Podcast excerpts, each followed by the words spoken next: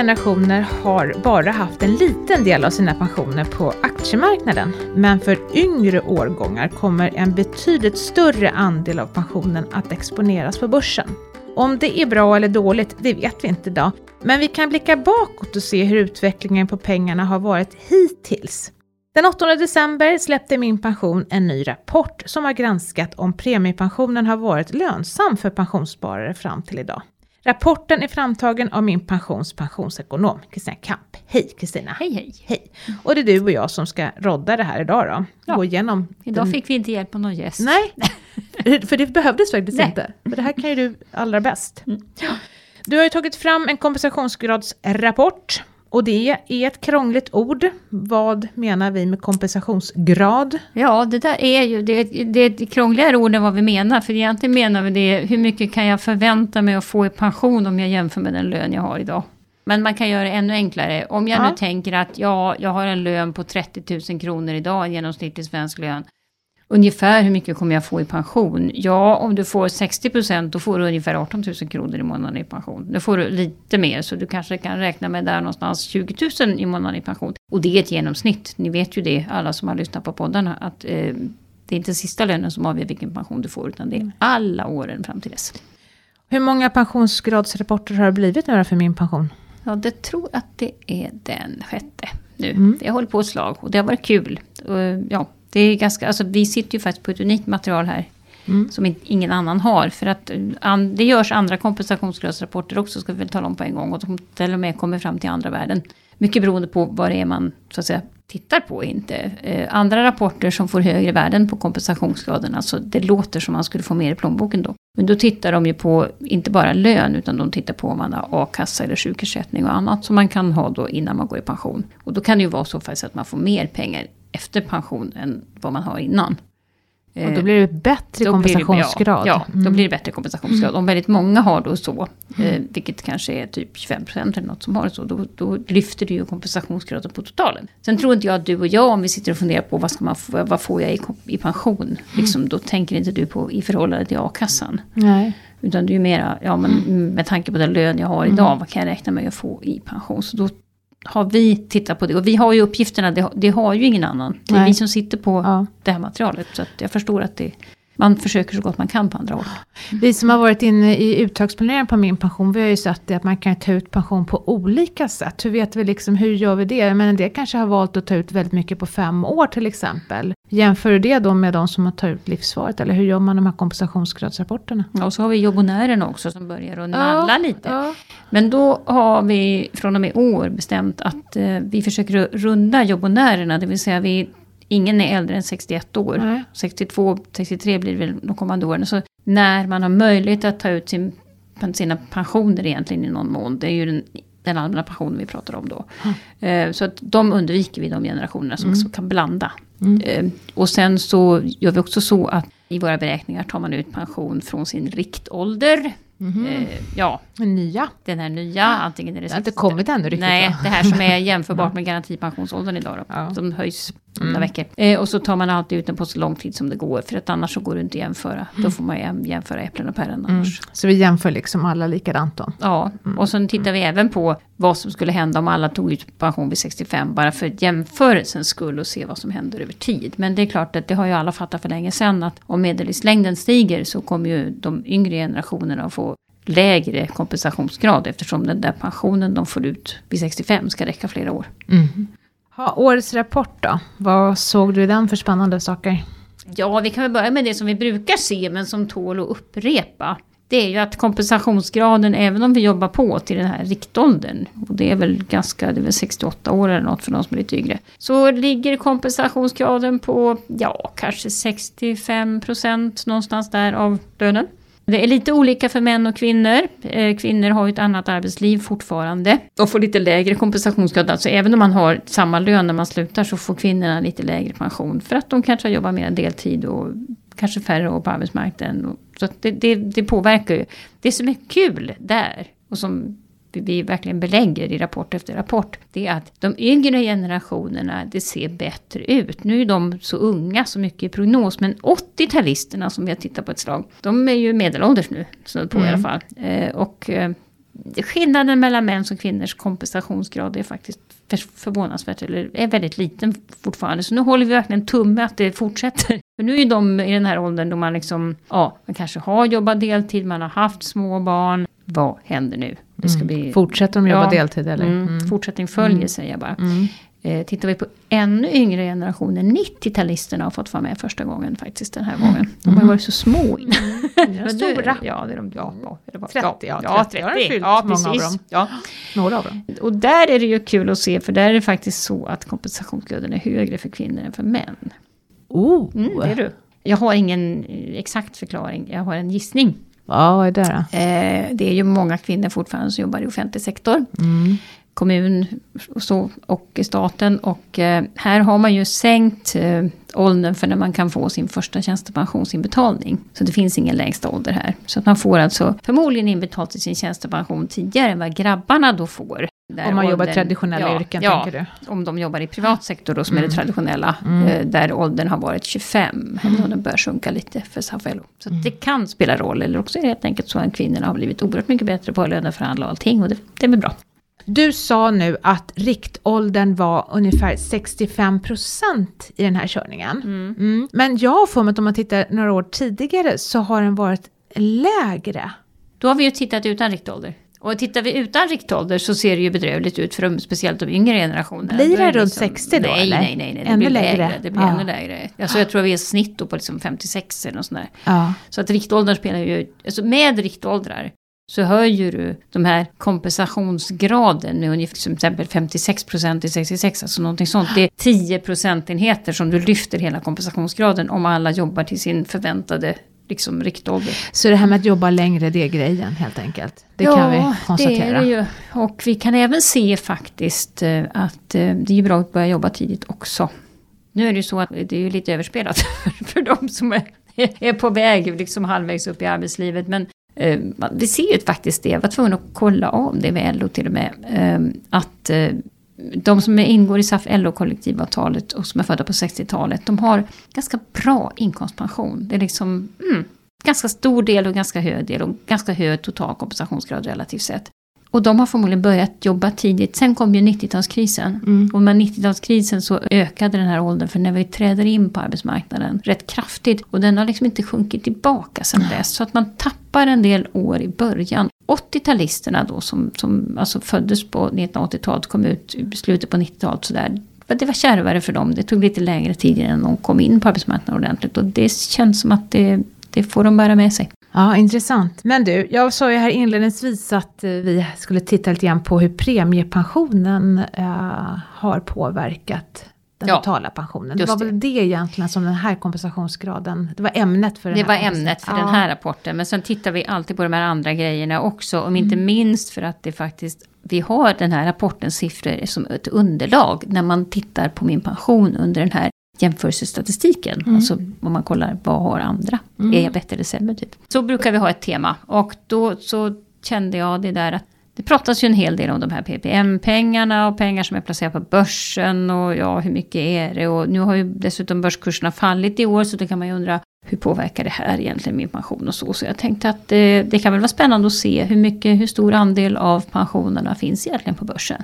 Och där är det ju ganska stora skillnader beroende på hur gammal man är. Här har det liksom här händer det väl väldigt mycket. Om vi, om vi börjar med 50-talisterna då som redan har gått i pension då. Eh, då var det till och med en del tidiga 50-talister, de hade ju till och med kvar en del av det här gamla ATP-systemet. Mm. Alltså någon slags förmånsbestämd allmän pension där lönen spelade roll.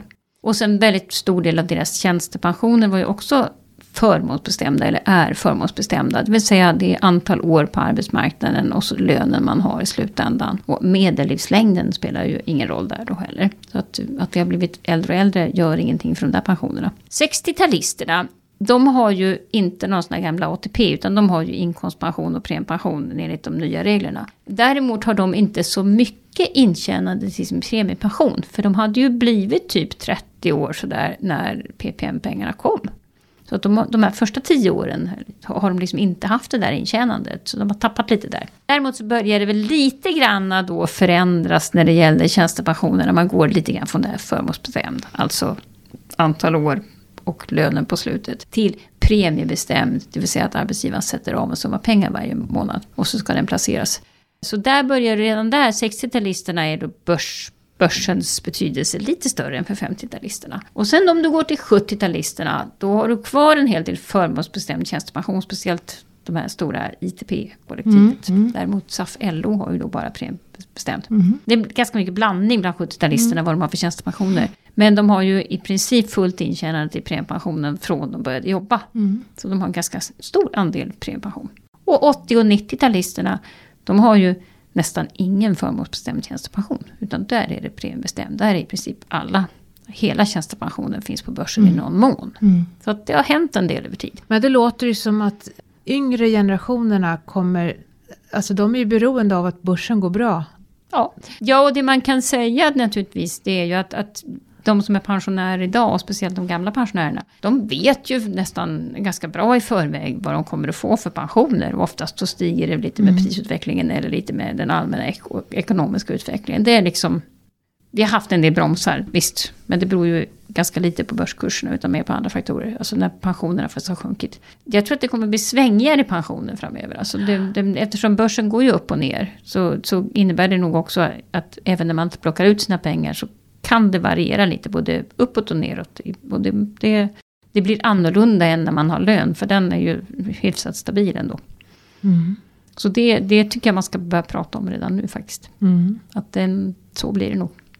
Men om vi tittar på premiepensionen då, om man liksom bryter ut den. Hur har det gått för den? Ja, vi har faktiskt brutit ut den för första gången i de här kompensationsgradsrapporterna. Tidigare har vi slagit ihop det med liksom den allmänna pensionen har fått vara en liten klump för sig och tjänstepensionen för sig. Eh, men nu bröt vi ut den och eh, då är det ju så att 60-talisterna, det är ju svårt att veta hur det har gått för 60-talisterna för vi vet ju inte riktigt vilken intjänandetid de har haft.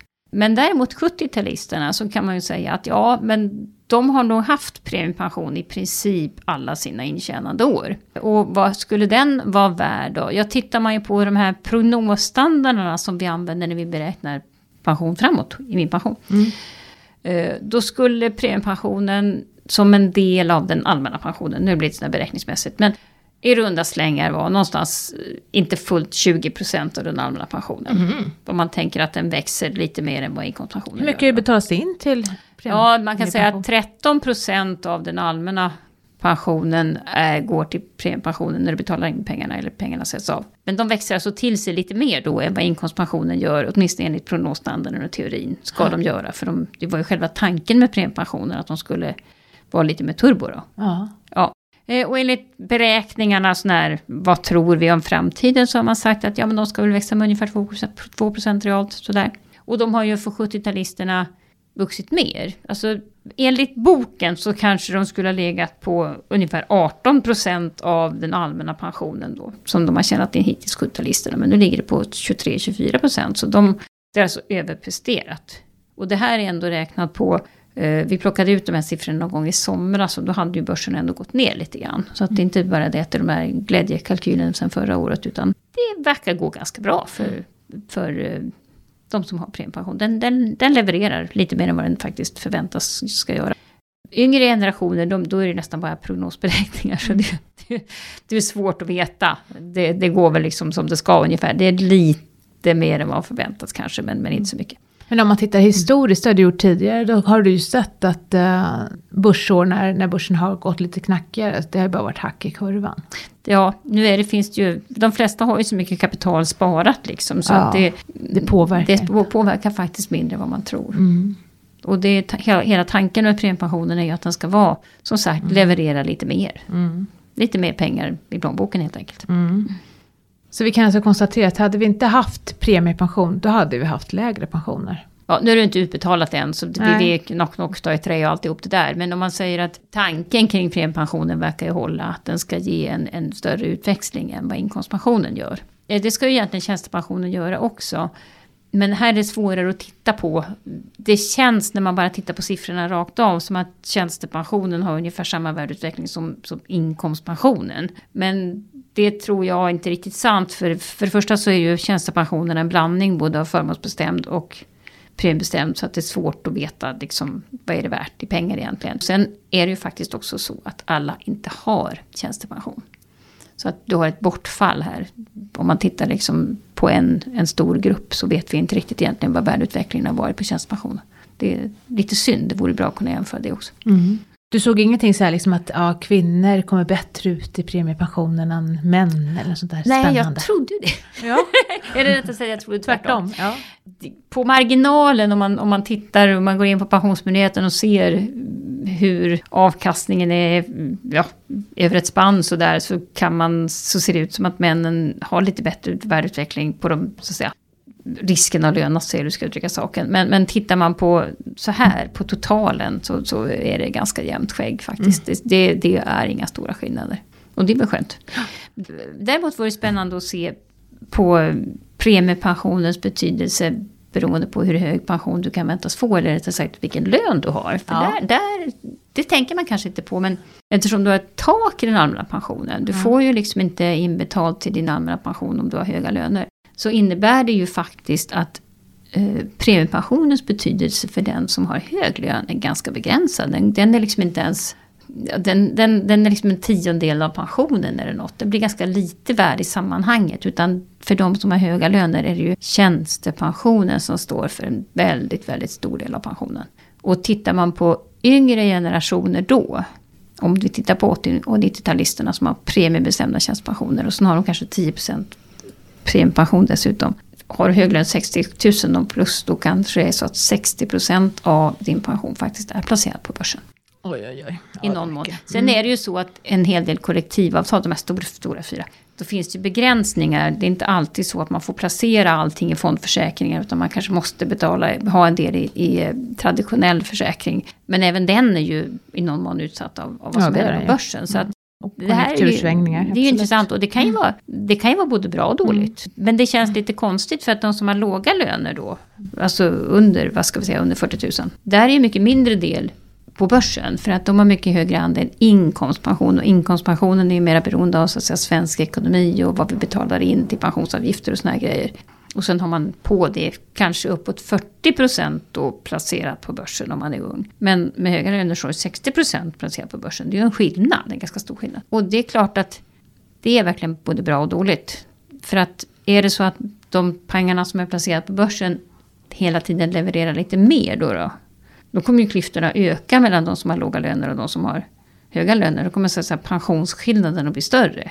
Och det är ju inte så bra. Samtidigt som, som ehm, det kan väl också vara bra då att de här med låga, låga löner inte har så stor risk på sitt sparande. Det där är ju ingenting som man... Man kan bara konstatera att det är så. Ska vi vara glada att vi har premiepension? Som det ser ut nu så ska vi väl det, ja. Mm. Även om det har varit mycket snack om den där och att den kanske har behövt hitta sina former och sådana saker. Men intentionen att den skulle leverera lite mer än vad inkomstpensionen gjorde, den verkar ju i alla fall stämma so far. Mm. Stämma. Mm. Kul. Var det någonting som förvånade dig när du gjorde den här rapporten? Ja, det, nej, dels tycker jag, jag tycker att det är kul att säga det att det här med kvinnogapet, alltså man pratar om att kvinnor får sämre pension. Så här. Kvinnor har fortfarande lägre lön, ja. ja. Det ser man även nu. Alltså vi ska också säga det att underlaget i den här rapporten är naturligtvis de har varit, som har varit inne på min pension. Eh, och de finns ju i alla olika löneintervall naturligtvis. Men generellt sett har de lite högre löner än vad andra har. Men skillnaden mellan män och kvinnor finns ju här också. Och den är alltså typ 4 000 spänn i månaden i mm. lön. Mm. Så det är klart att kvinnor har ju fortfarande lägre löner. Mm. Men givet samma lön får de just nästan lika hög pension i alla fall. Mm. Om de, de, är lite yngre. Och det, det tycker jag är bra. Däremot finns det en annan grupp, eller det finns egentligen två andra grupper som inte får så bra pensioner. Vi har ju tittat några år på utrikesfödda till exempel. Och man kan även titta på egenföretagare. Och utrikesfödda, att de kan få en låg kompensationsgrad. Alltså i förhållande till den, den lön de har. Det beror ju på att de helt enkelt inte får ihop tillräckligt många år i Sverige. Sen kan ju de möjligen ha pensioner från andra länder och det är väl bra om de har då. Men om de inte har det så, så riskerar ju de att få väldigt låga pensioner.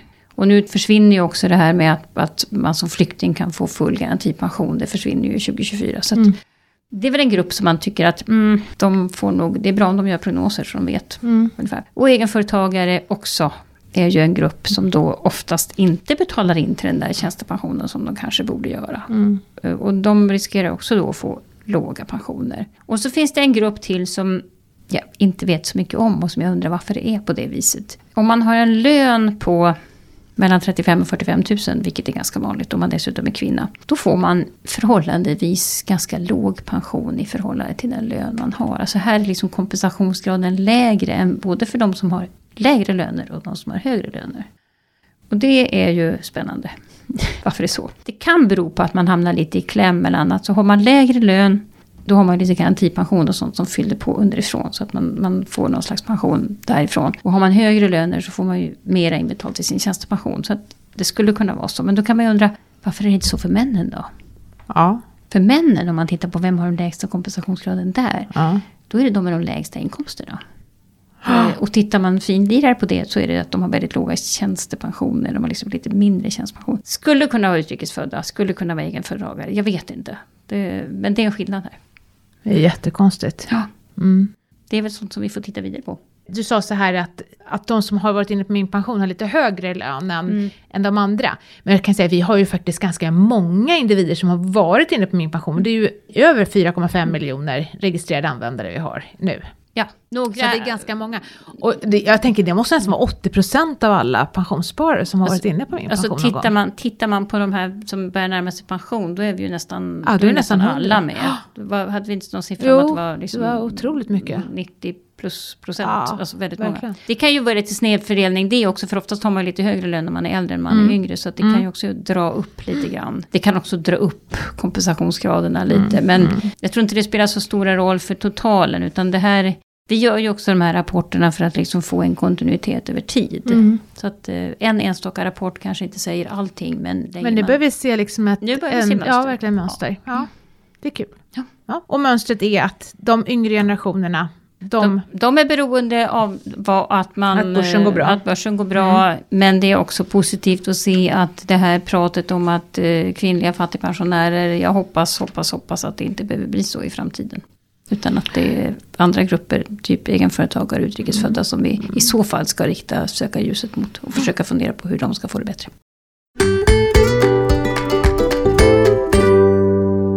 Då fram till dagens fråga och den kommer från Simon som är 32 år. Han har sparat 1500 kronor i en ISK, alltså en sånt där investeringssparkonto, i cirka fem år nu faktiskt. Och nu har han tittat över sin ekonomi inför nästa år och kommit fram till att han har inte råd att spara så här längre. Och han undrar nu, hur kommer det att påverka hans framtida pension?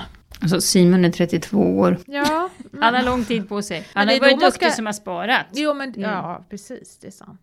Och de hinner ju växa till sig de här pengarna. Så att jag tycker inte han ska vara jätteorolig. Nu kan inte jag i tummen och pekfingret räkna ut hur mycket det här blev Nej. eh, på fem år. Men det är ju en grundplåt och den kommer ju då att förhoppningsvis växa på sig lite grann. Även om börskurserna då i år inte har varit sådär så att man har jublat. Jag tycker inte man ska ha dåligt samvete för att man inte sparar. För det första så ska man göra en pensionsprognos. Nu vet inte jag vad Simon jobbar. Han kanske har ett välbetalt jobb som ger honom en bra tjänst. Han ska göra tjänstepension. Det hoppas jag att Simon har kollat att han har. Det är väl det första och att han jobbar på då. Han har sitt lilla sparkapital. Han kanske inte har råd att spara just nu och man ska verkligen leva här och nu också. Viktigt.